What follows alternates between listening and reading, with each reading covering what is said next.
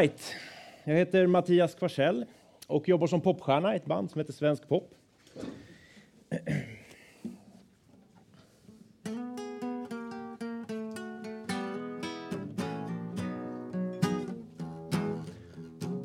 Eh, jag är också regionalt skyddsombud på Musikerförbundet. Eh, ansvarig för arbetsmiljöenheten. Och eftersom alla vi som jobbar på Musikerförbundet är musiker så har vi som policy att alltid spela musik när vi håller våra föredrag. Det blir mera stimpengar och sommarpengar då. Eh, det vart ett problem en gång när våran revisor, som inte är musiker, skulle eh, föredra revisionsberättelsen. Eh, och han valde fiol och det lät ju förjävligt kan man säga.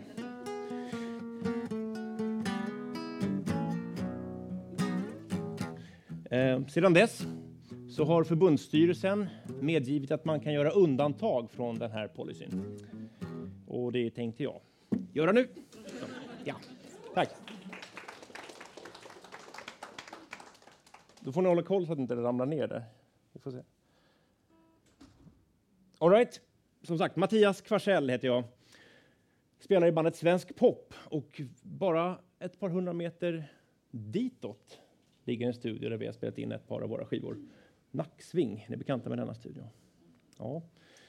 Det var det Nationalteatern va? Och eh, Björn Afzelius har vi gjort en del där också.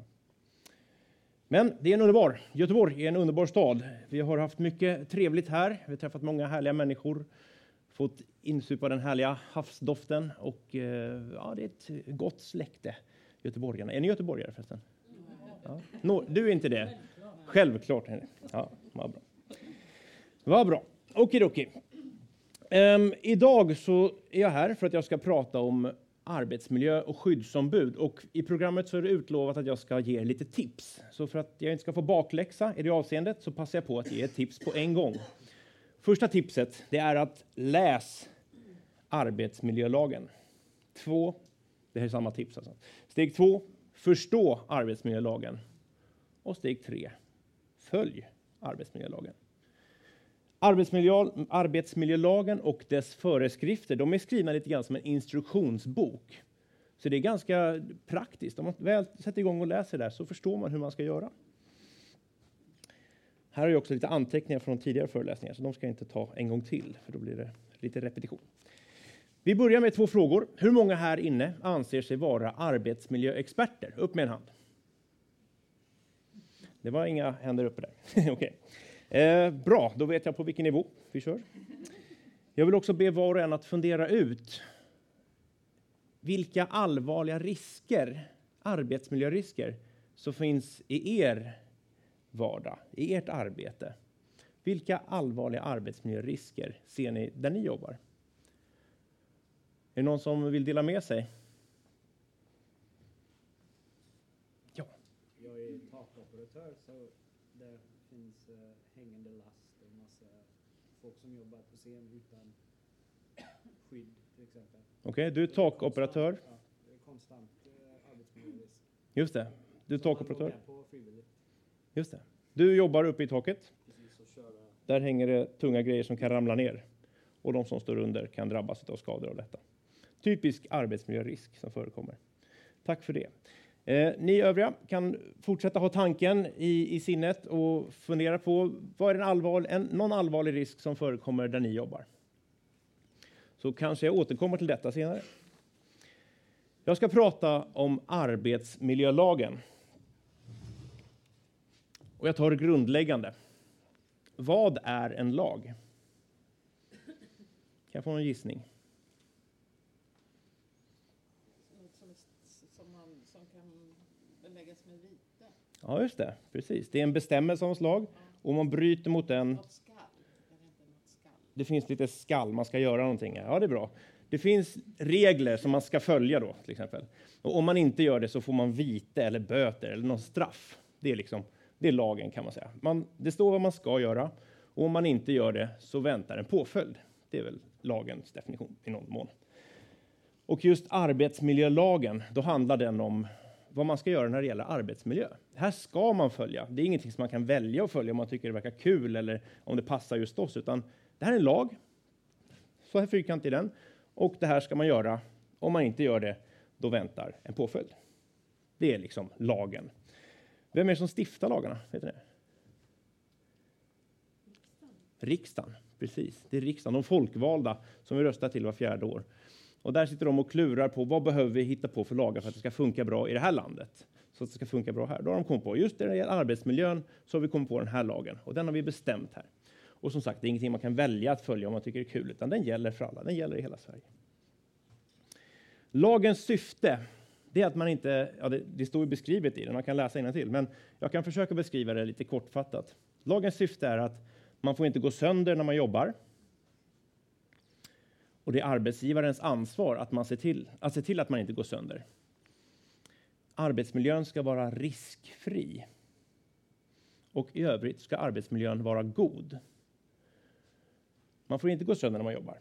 Man får inte bryta armen och det gäller mentalt också. Man får inte vara ledsen och må dåligt eller bli kränkt. Det pratade Josefin här tidigare. Eh, man, får inte bli, man ska inte gå sönder när man jobbar. Arbetsgivaren har ansvar för att hålla koll på det här, för att undersöka, finns det risker? Finns det något som gör att man kan gå sönder? Och i sådana fall, om de upptäcker det, så måste de göra någonting åt det. Eh, men inte nog med det. Inte nog med att arbetsmiljön ska vara riskfri. Den ska dessutom vara god. Alltså man ska må bra när man jobbar dessutom. Inte bara att det ska vara riskfritt, utan man ska må bra. När man går till jobbet och när man går hem därifrån så ska man må bra och känna att det här var en härlig dag. Så står det i vår lag. Arbetsmiljön ska vara god. Det är en häftig lag.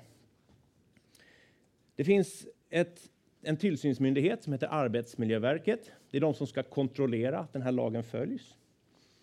Och det är de man vänder sig till om man har eh, synpunkter på hur den efterlevs eller inte. Och så finns det två ledord som jag tycker är bra att ha med sig. Alltid när man pratar arbetsmiljö så handlar det om förebyggande verksamhet. Och det handlar om samverkan. Jag kommer från ett fackförbund, från musikernas fackförbund. Och facklig kamp, då pratar vi inte samverkan primärt. Det är klart att man kan samverka även mellan fack och arbetsgivare i, i andra frågor. Men det är också två olika intressen som, som står emot varandra. Men arbetsmiljölagen, där handlar det om att vi har ett gemensamt intresse. Arbetsmiljön ska vara god och riskfri. Och arbetsgivaren ska tillsammans med arbetstagarna samverka för att uppnå det här. Det är samverkan. Det är ett nyckelord som man ska komma ihåg. Um, om arbetsgivaren då har egentligen det fulla ansvaret för arbetsmiljön, för sin arbetsmiljöorganisation, hur arbetsgivaren leder, planerar det arbetet med arbetsmiljön, så har arbetstagarna sina skyddsombud vars uppgift är att bevaka att arbetsgivaren tar det här ansvaret. Vem är det som utser skyddsombud? Ja, det har vi frågat oss hos oss. Mm. väl, eh, det är väl fackförbunden som ska göra det. Det kan vara fackförbunden. Ja, precis. Jag tycker det är oklart att veta om, om, det, om det gäller att alla fack på en arbetsplats ska utse varsitt skyddsombud eller Mm. om det ska gemensamt, man ska ha gemensamma val för alla olika fackförbund, om man nu är flera. Mm. Det, det, jag, ska, jag kommer svara på den. Eh, så här är det att de som jobbar där, de som alltså ska skyddas av den här lagen, det är de som väljer sitt skyddsombud. Alltså de som jobbar på arbetsplatsen väljer skyddsombudet. Är det så att det finns kollektivavtal så är det det fack som har kollektivavtal som utser skyddsombuden. Då har de första tjing på det. Är det så att det finns flera kollektivavtal, ja då får varje kollektivavtalsbärande organisation utse sitt eget skyddsombud. Men den här lagen är väldigt flexibel. Den här lagen säger att hittar ni på någonting som ni kommer överens om lokalt som funkar minst lika bra som lagen, då kommer inte Arbetsmiljöverket dit och slår näven i bordet och säger nu måste ni göra om här. Utan då säger de vad, bra att ni har löst det här. Det är samverkan igen. Va? Så att om man inte kommer överens, då gäller lagen. Då gäller det att varje fackförbund som har kollektivavtal på arbetsplatsen får utse sitt skyddsombud. Eh, Men man kan också komma överens om att det här skyddsombudet får vara skyddsombud både för den här gruppen och för den där gruppen. Så det går att göra på båda sätten. Var det svar på din kluring där? Ja, vad bra. Ehm, um, right. Skyddsombudet har tre verktyg till sitt förfogande. Om man vill förenkla det så handlar det om tre verktyg som skyddsombudet har. Och det första verktyget det är att begära åtgärder. Om skyddsombudet anser att arbetsgivaren inte har gjort det som står i lagen. Alltså arbetsgivaren ska ju då förebygga risker, analysera risker och, och se till att det inte blir olyckor av de här riskerna. Men om skyddsombudet tycker att det här har, nu har du inte gjort det på det här området, då kan skyddsombudet vända sig till arbetsgivaren och säga nu begär jag att du gör den här åtgärden eller sätter igång den här undersökningen. Alltså skyddsombudet kan begära saker av arbetsgivaren. Och då kan arbetsgivaren antingen säga ja, men vad bra, det ska jag absolut göra. Och så gör den det. Eller så kan han säga nej, det där tycker jag faktiskt inte att jag behöver göra. Då har skyddsombudet möjlighet att gå till tillsynsmyndigheten, det vill säga Arbetsmiljöverket och säga jag har begärt den här åtgärden från arbetsgivaren, men den vill inte göra som jag säger. Vad tycker ni? Vad tycker ni här på Arbetsmiljöverket? Då har de att kika på varför, säger, varför vill inte arbetsgivaren göra det här som skyddsombudet säger? Eh, och har den skäl för att inte göra det, ja då kanske de säger okej, okay, den behöver inte göra det. Men borde arbetsgivaren göra den åtgärd som skyddsombudet begär? Då kommer, då kommer Arbetsmiljöverket säga ni måste göra det här. Om ni inte gör det, då får ni betala vite. Då får ni straff helt enkelt om ni inte tänker fullfölja det här. Och då får de ett straff ända tills de har uppföljt det. Så tanken med det där straffet är att det ska vara dyrare att inte genomföra åtgärden än att genomföra den. Så det är den första, det första verktyget. Skyddsombudet har möjlighet att begära åtgärder. Men det kan inte vara vilka åtgärder som helst. Det kan inte vara bara hitta på grejer, utan det måste vara sånt som ligger inom ramen för arbetsmiljölagen. Det som lagen stipulerar. Okej, okay. det är det första verktyget. Det andra verktyget är att man kan stoppa farligt arbete. Normalt sett så är det ju arbetsgivaren som leder och fördelar arbetet, en gammal klassiker. Eh, och och eh, i det här fallet då så har skyddsombudet möjlighet att ta över arbetsgivarens arbetsledningsansvar och säga stopp. Det här arbetet är för farligt. I det här rummet får man inte jobba eller den här arbetsuppgiften är för farlig. Det här kan människor skadas om man genomför. Så här får vi inte jobba. Så här kan vi inte göra. Och då är det skyddsombudet som bestämmer helt plötsligt och säger stopp. Här blir inget arbete utfört förrän det här är säkert och tryggt. Och då får inte arbetsgivaren bryta igenom det, eller några kollegor kan inte säga strunta i det där, för då blir de straffade. Då, då finns det regler för att reglera det också. Om arbetsgivaren nu vill göra det som skyddsombudet har stopp till, då måste arbetsgivaren gå till Arbetsmiljöverket och säga jag vill göra det här i alla fall, vad säger ni? Och då kan de säga ja visst, det är inte så farligt som vi trodde. Eller nej, det får ni inte göra. Ni får, ni får åtgärda de här sakerna innan ni går vidare. Så första verktyget var att begära åtgärder. Det andra verktyget är att man kan stoppa farligt arbete. Och det tredje verktyget, det är ett litet baklängesverktyg kan man säga. Det handlar om att man får inte bli hindrad som skyddsombud. Alltså skyddsombudet får inte hindras i sitt uppdrag. Och vad menas med det? Ja, det kan handla om att om skyddsombudet inte blir inbjuden till möten där man fattar beslut om arbetsmiljön, hur den ska utformas, då har man hindrat skyddsombudet. Eller att skyddsombudet inte får ledigt för att kunna undersöka arbetsmiljön själv, kunna göra sina egna analyser, inte få möjlighet att prata med de som berörs i arbetsmiljön. Alltså skyddsombudet har ganska fria tyglar egentligen att, att bedöma så här mycket behöver jag lägga, så här, det här behöver jag göra för att jag ska kunna uppfylla mitt uppdrag som skyddsombud. Och om arbetsgivaren säger stopp, nej du får inte hålla på med det här, då riskerar man alltså att hindra skyddsombudet och det är förbjudet enligt lagen. Och då väntar, precis som föregående talare nämnde om diskrimineringsersättning och liknande, så är det här då, då blir det skadestånd om man hindrar ett skyddsombud från att fullfölja sitt uppdrag. Så om man inte får tillgång till de lokaler man behöver, man får inte träffa de som berörs av de här arbetsmiljöåtgärderna, man får inte delta i möten och så vidare. Man får inte handlingar som behövs för att kunna fatta beslut och analysera arbetsmiljön. De har blivit hindrade och då väntar straff för detta. Så ett straff, ja. väntar. Ja. Okej, okay, man kan begära åtgärder, man kan stoppa farligt arbete och man får inte bli hindrad. Det är de tre viktiga verktygen för skyddsombudet. Och skyddsombudets uppgift är att bevaka att arbetsgivaren fullföljer sina åtaganden enligt arbetsmiljölagen. Det är liksom skyddsombudets jobb.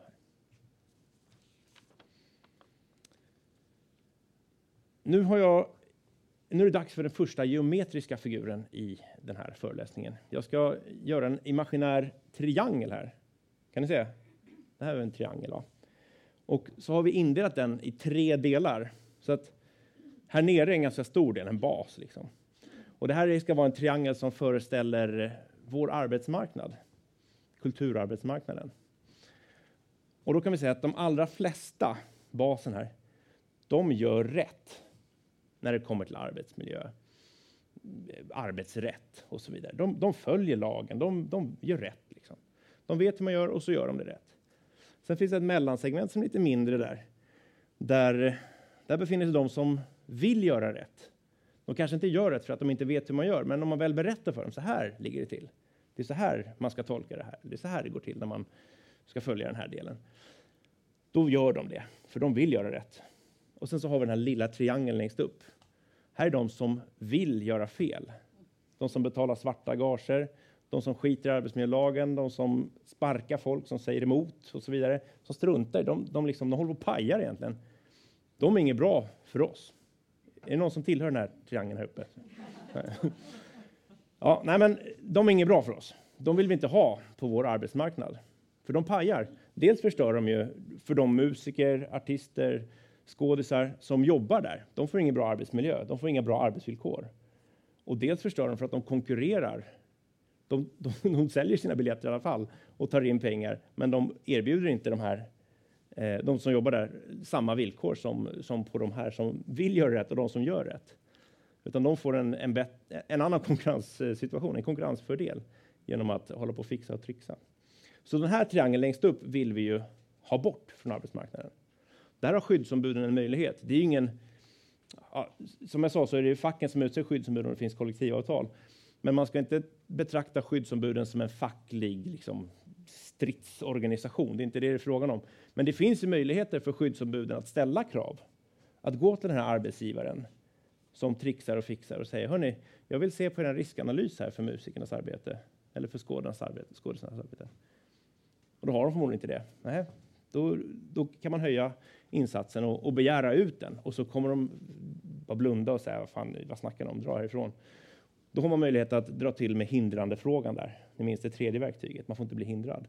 Då har de liksom påbörjat en bana där de straffar ur sig själva till slut för att de inte samverkar i arbetsmiljö eller i andra fackliga frågor. Så kan det vara. Och hur gör man då? Jag ska berätta hur man gör. Vi kommer dit. Håll ut. Men det är en bra fråga. Mycket bra fråga. Um.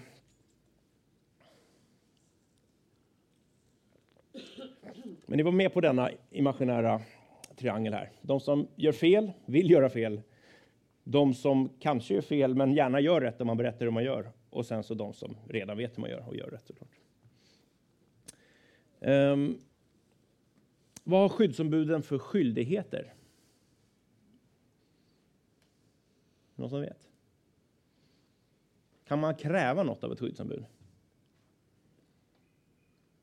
Jag säger det. Det kan man inte. det var en kuggis.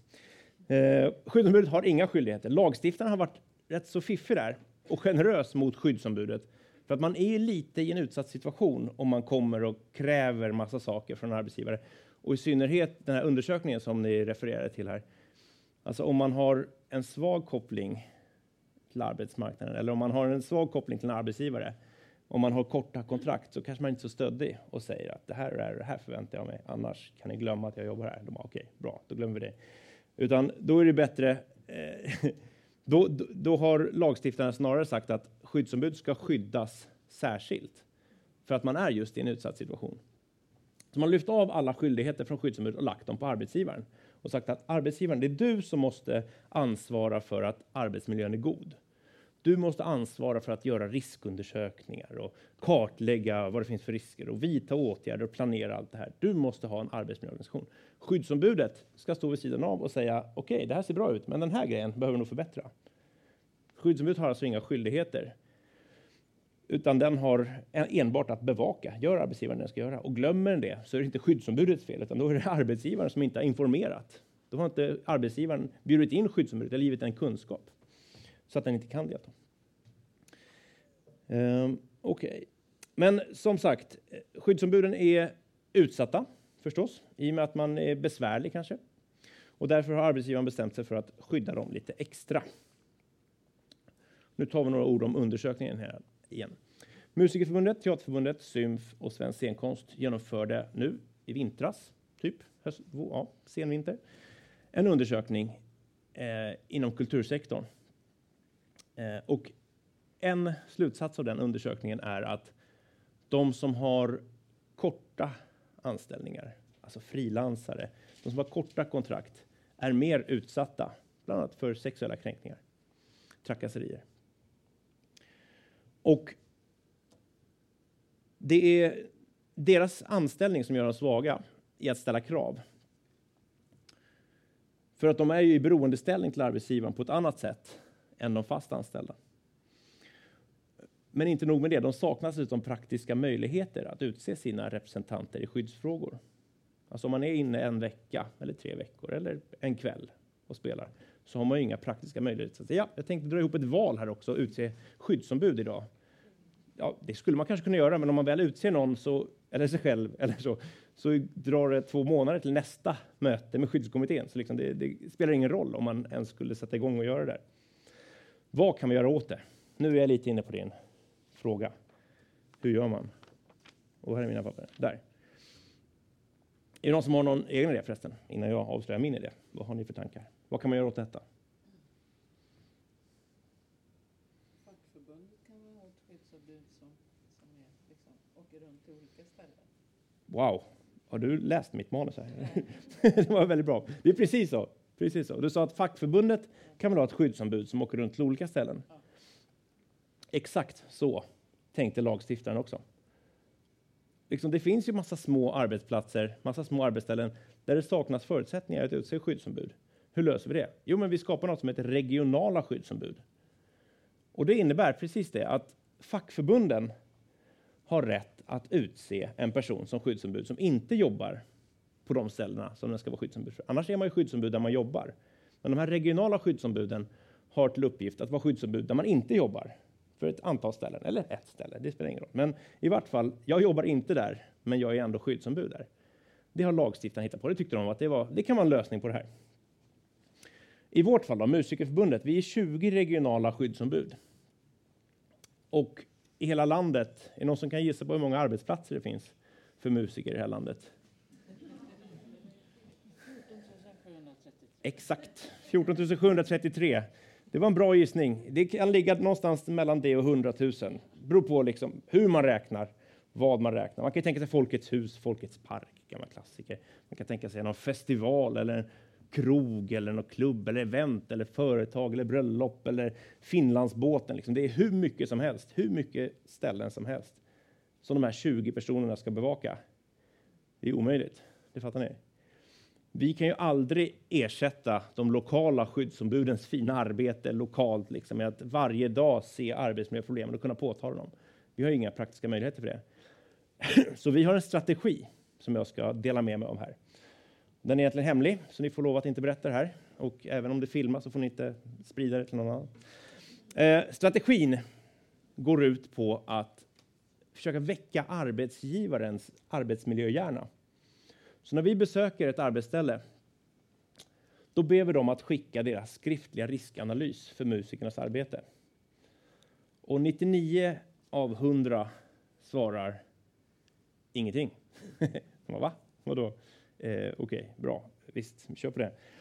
Men sen när man kommer dit och träffar dem så tar man igen. Jo, vi skickade ju här och bad er skicka er skriftliga riskanalys för musiker. Skulle ni kunna göra det? Kan ni visa den för oss? Ni kommer ihåg, man får inte bli hindrad, så de måste ju visa sina dokument för oss. Eh, ja, ja, så vi har. Har ni inte gjort någon riskanalys för musikerna? Jo, men vi har den i huvudet. Liksom. Okay. det är bra, det är bra. I bästa fall säger de så. I värsta fall säger de så här, nej, men det finns inga risker här. Det är inte så sannolikt. Det finns såklart risker överallt. Ja, men då säger vi, det står i lagen att man måste göra en skriftlig riskanalys för alla som jobbar. Det ska finnas, ni har skrivit ner vad ni har sett för risker, vad ni har tänkt på för risker. Och så kikar vi på den tillsammans. Och är det någon av de här, liksom, de som vill göra rätt eller de som gör rätt, då är vi inte där för att bråka med dem och ställa till det för dem. Är det de här här uppe, då blir vi lite fyrkantiga och hårda och ställer lite kanske skarpare krav. Men är det sådana som är bra, liksom, som vi vill ha på vår arbetsmarknad, då gör vi det i bästa samförstånd och säger okej, okay, men låt oss sätta oss tillsammans och analysera en liten stund. Vi kan diskutera, vad finns det för risker? Vad går man in när man jobbar här? Då går man in här borta och sen så brukar man packa av sig grejerna här, sen går man upp på scenen här och så går vi och kikar på det, liksom. rent fysisk arbetsmiljö. Vad är det, finns det för risker i en fysisk arbetsmiljö? Arbetsmiljön är inte begränsad till bara, arbetsmiljöriskerna är inte begränsade bara till de fysiska riskerna, utan det är också psykosociala risker, stress, kränkningar, mobbing och så vidare. All right. så det där är liksom nummer ett. Vi frågar efter den skriftliga riskanalysen. Det är också mitt tips nummer två här. Första var ju det här med läs lagen, förstå den och, och tillämpa den.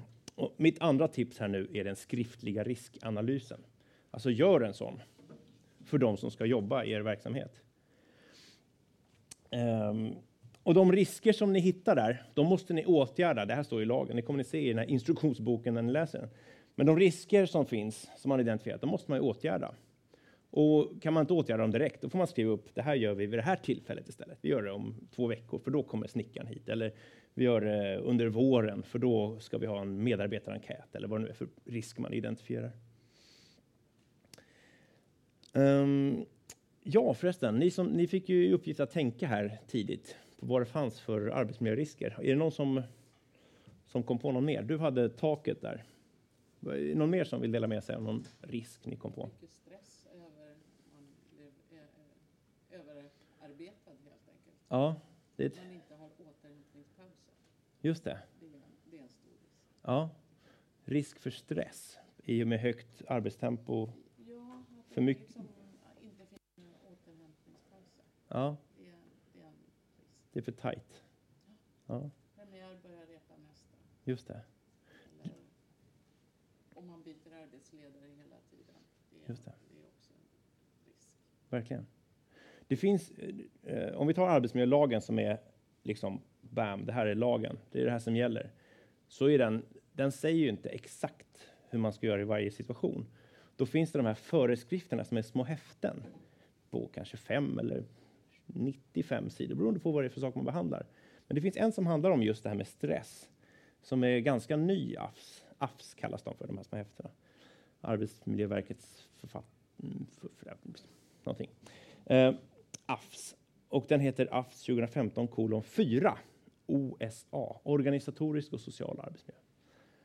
Den handlar om det här med stress, kränkningar också. Eh, och det den säger, en sak som den säger, är att arbetsmängden måste vara ungefär lika med de resurser som man har för att genomföra arbetet. Så man får inte ha för mycket att göra och för lite resurser. Utan det ska liksom balanseras. Det är klart att någon gång kan det ju bli stressigt, sådär, men man kan inte hela tiden ha det på det här viset. Utan mängden arbete, det som ska utföras, ska stå i paritet till den, de tillgängliga resurser som man har för det arbetet. Och är det så att det ändå skulle vara så att man har mer att göra än vad man hinner med, då måste arbetsgivaren hjälpa oss att prioritera. Då måste de säga det här ska bli gjort först, sen ska du göra det här, sen ska du göra det här. Så det finns någon som har tänkt till där. Arbetsmiljöverket har tänkt till. Så här ser vi på den här problematiken och det här är vårt sätt att lösa det. Den kan man bläddra i och kika. Okej, så här ser det Eh, och de här AFSarna, de finns ju på flera områden. Det finns ju buller till exempel, bullerafsen. Vad betyder god arbetsmiljö eller i vart fall riskfri arbetsmiljö när det kommer till buller? Massa oljud liksom. Ja, då finns det, är det så här mycket oljud, då är det okej. Är det så här mycket, ja, då måste man faktiskt göra en, en åtgärd här. Är det så här mycket, oj, då måste jag göra tre åtgärder. Och är det så här mycket, då får man inte ens vara där. Då går det inte. Det finns inga åtgärder som hjälper, utan då stopp, stopp, stopp, här får man inte jobba. Liksom. Du hade också tänkt på något.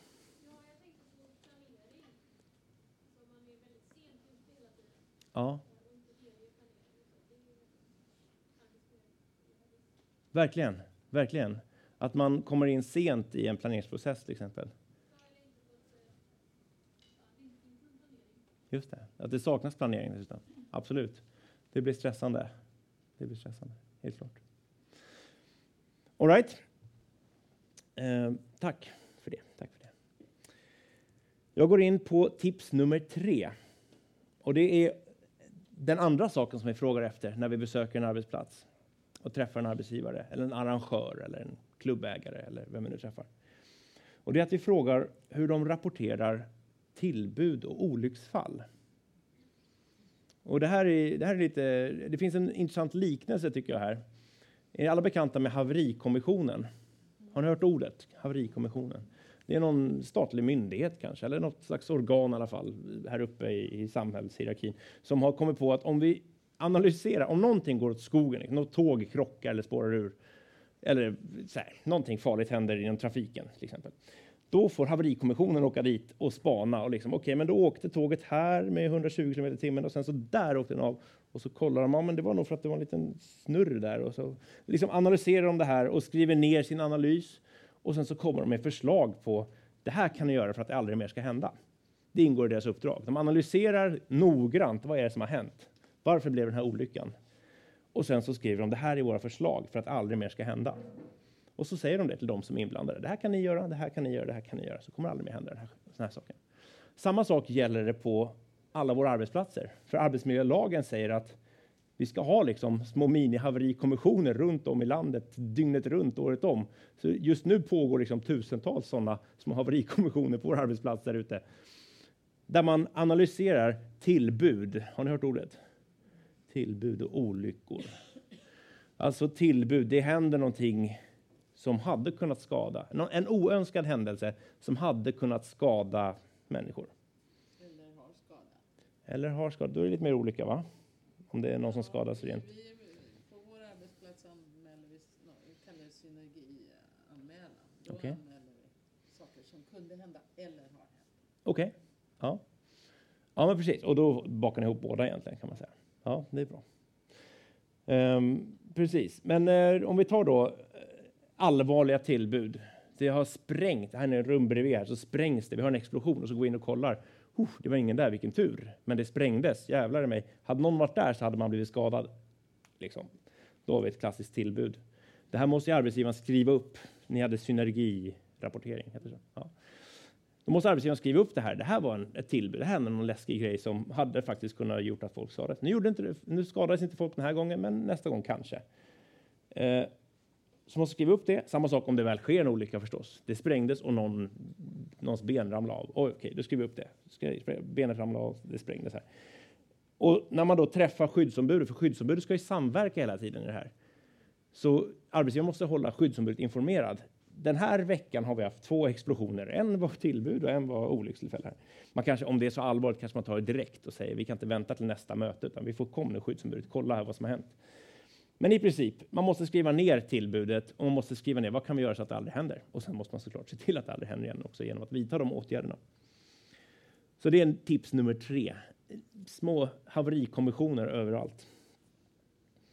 Eh, och nu får ni det fjärde tipset och det är ett begrepp som kallas för systematiskt arbetsmiljöarbete. Och det låter så fruktansvärt torrt och tråkigt så jag kommer aldrig mer säga det. Men det går ut på att inte köra ad hoc. Ni, ni såg föreställningen här i morse. Eh, och då var det så här. Skådisen kom in och bara, ja men du vill lösa det, kom, här, du, kom här så snackar vi om det här nu. Eh, du säger det där igen. Det är ju typiskt ad hoc, liksom. vi försöker lösa allting när det händer. Det är väl i och för sig bra att man tar tag i saker när de sker, men det här ordet som jag inte kommer återupprepa är ett bevis på att man måste göra på ett annat sätt. Det är, ett, det är ett ord för att man ska göra på ett annat sätt. Man ska göra det systematiskt. Man ska alltså tänka igenom det i förväg. Så här bedriver vi vårt arbetsmiljöarbete. Vi gör skyddsronder en gång i månaden eller varannan månad eller en gång i halvåret eller vad man nu tycker är lagom. Vi har möten för att gå igenom de tillbud och de rapport, eh, olycksfallsrapporter vi får. Vi utbildar personalen i psykosocial arbetsmiljö. Alltså, det ska ske systematiskt helt enkelt. Man kan inte sitta och hitta på allt eftersom, utan tänka igenom i förväg. Gärna skriva ner. Så här planerar vi vårt arbete när det gäller arbetsmiljön. Då får ju skyddsombudet också en möjlighet att se. Ja, men det här. Det ser bra ut, men jag tycker att faktiskt vi borde ha skyddsrum i vart fall en gång i månaden eftersom vi har nya föreställningar en gång i månaden. Så inför varje föreställning kan vi väl ha en. Så här. Det blir ett sätt för skyddsombudet att involveras och det blir ett sätt för arbetsgivaren att ha en systematik i det hela. Okej, det finns fler som tycker att skyddsombuden är viktiga och behövs. De regionala skyddsombuden lyftes ju i Magdalena Anderssons budgetpresentationer, vårbudgeten. Så sa hon att det behövs mer pengar till de regionala skyddsombuden. Så vi lägger till en pott här på ett, jag vet inte hur mycket det var, 15-20 miljoner kanske. Och det som är skillnaden också när det gäller finansieringen på de regionala skyddsombuden och de lokala är att de lokala betalas ut av arbetsgivaren. Där är det, ingår det i skyddsverksamheten lokalt på arbetsplatsen. De regionala skyddsombuden finansieras utav staten, utav er också genom skattepengar förstås. Men de betalas av vår gemensamma statskassa för man tycker att det är bra att vi har en schysst arbetsmiljö och att man kan ha det även på små arbetsplatser. Och utav facken. Facken är också med och pröjsar en del eh, Men det finns ett problem med lagstiftningen. Och det är så här att på en arbetsplats som har blivit tillräckligt stor så att de har tillsatt en skyddskommitté så kommer inte de regionala skyddsombuden in längre. Antagligen, tror jag, att lagstiftaren tänkte om det finns en skyddskommitté där facket har utsett sina representanter, där de lokala skyddsombuden ingår, då behövs inte de här regionala skyddsombud längre för att liksom kicka igång det lokala arbetsmiljöarbetet. Så de behöver inte vara där längre. Problemet uppstår i vår bransch där vi kan ha stora arbetsplatser men hela yrkeskategorier som bara jobbar som frilansare. Så man kan ha stora arbetsplatser men där alla musiker kommer in på liksom ett kvällsgig en vecka, tre månader kanske. De regionala skyddsombuden är utestängda, men de här yrkeskategorierna har ingen möjlighet att utse sina lokala representanter i skyddsarbetet. De kan inte bilda klubb, de kan inte utse fackliga representanter, de kan inte utse skyddsombud lokalt. Så därför saknas Ja, viljan saknas inte, för man har ju tagit initiativ. Man, dels sätter man ju mer pengar på det och man gör dessutom förändringar här. Men jag tycker att den där biten, det där glappet, det har man missat i lagstiftningen. Och det är någonting som vi tillsammans, som finns i branschen, kan överbrygga. För arbetsmiljölagen är flexibel och den säger att kommer ni överens om saker som funkar för er bransch, så fine, kör på det. Om ni är överens om hur ni ska ha det, så då är det bara att göra. Om det här blir bättre arbetsmiljö, så gör det. Kom överens om att släppa in de regionala skyddsombuden, trots att ni inte måste. Det är ju ändå ett sätt för arbetsgivaren att kunna ta sitt arbetsmiljöansvar. Alltså ansvaret ligger på arbetsgivaren i alla fall att samverka och att ta reda på vad det finns för risker. Men om det inte finns något att samverka med så glappar det där. Så den möjligheten har vi. Och den tycker jag, det vill jag skicka med er. Att ta, ta det ansvaret om ni har möjligheten. Jag har fått frågan om ett skyddsombud från någon annan yrkeskategori inte skulle kunna gå in och företräda den, skydds, eh, den, den yrkeskategori som saknar skyddsombud. Och så kan man förstås göra och det finns säkert tillfällen där det funkar bra. Men vissa saker känner man inte till om man jobba på kontoret jämfört med om man, om man jobbar på scenen. Vissa saker har man inte koll på. Och även på scenen kan det vara olika förutsättningar. En skådis kanske inte har samma koll på hur det är att vara musiker och sitta uppe i taket och sådär som själva musikern har. Alltså man har olika insikter om olika delar. Och där har också lagstiftaren sagt att man ska vara väl förtrogen med det skyddsområde som man är utsedd att ha. Så det finns, det finns alla möjligheter att göra någonting åt det, bara vi vill det. Då kan vi komma överens om lösningar för det. Nu ska jag bara säga tack för att ni har lyssnat. Jag vill att ni ska komma ihåg att de regionala skyddsombuden är era vänner, resurser, en tillgång i det lokala arbetsmiljöarbetet eh, och en tillgång i ert ansvar att skapa en arbetsmiljö som är riskfri, som är god och som är fri från trakasserier.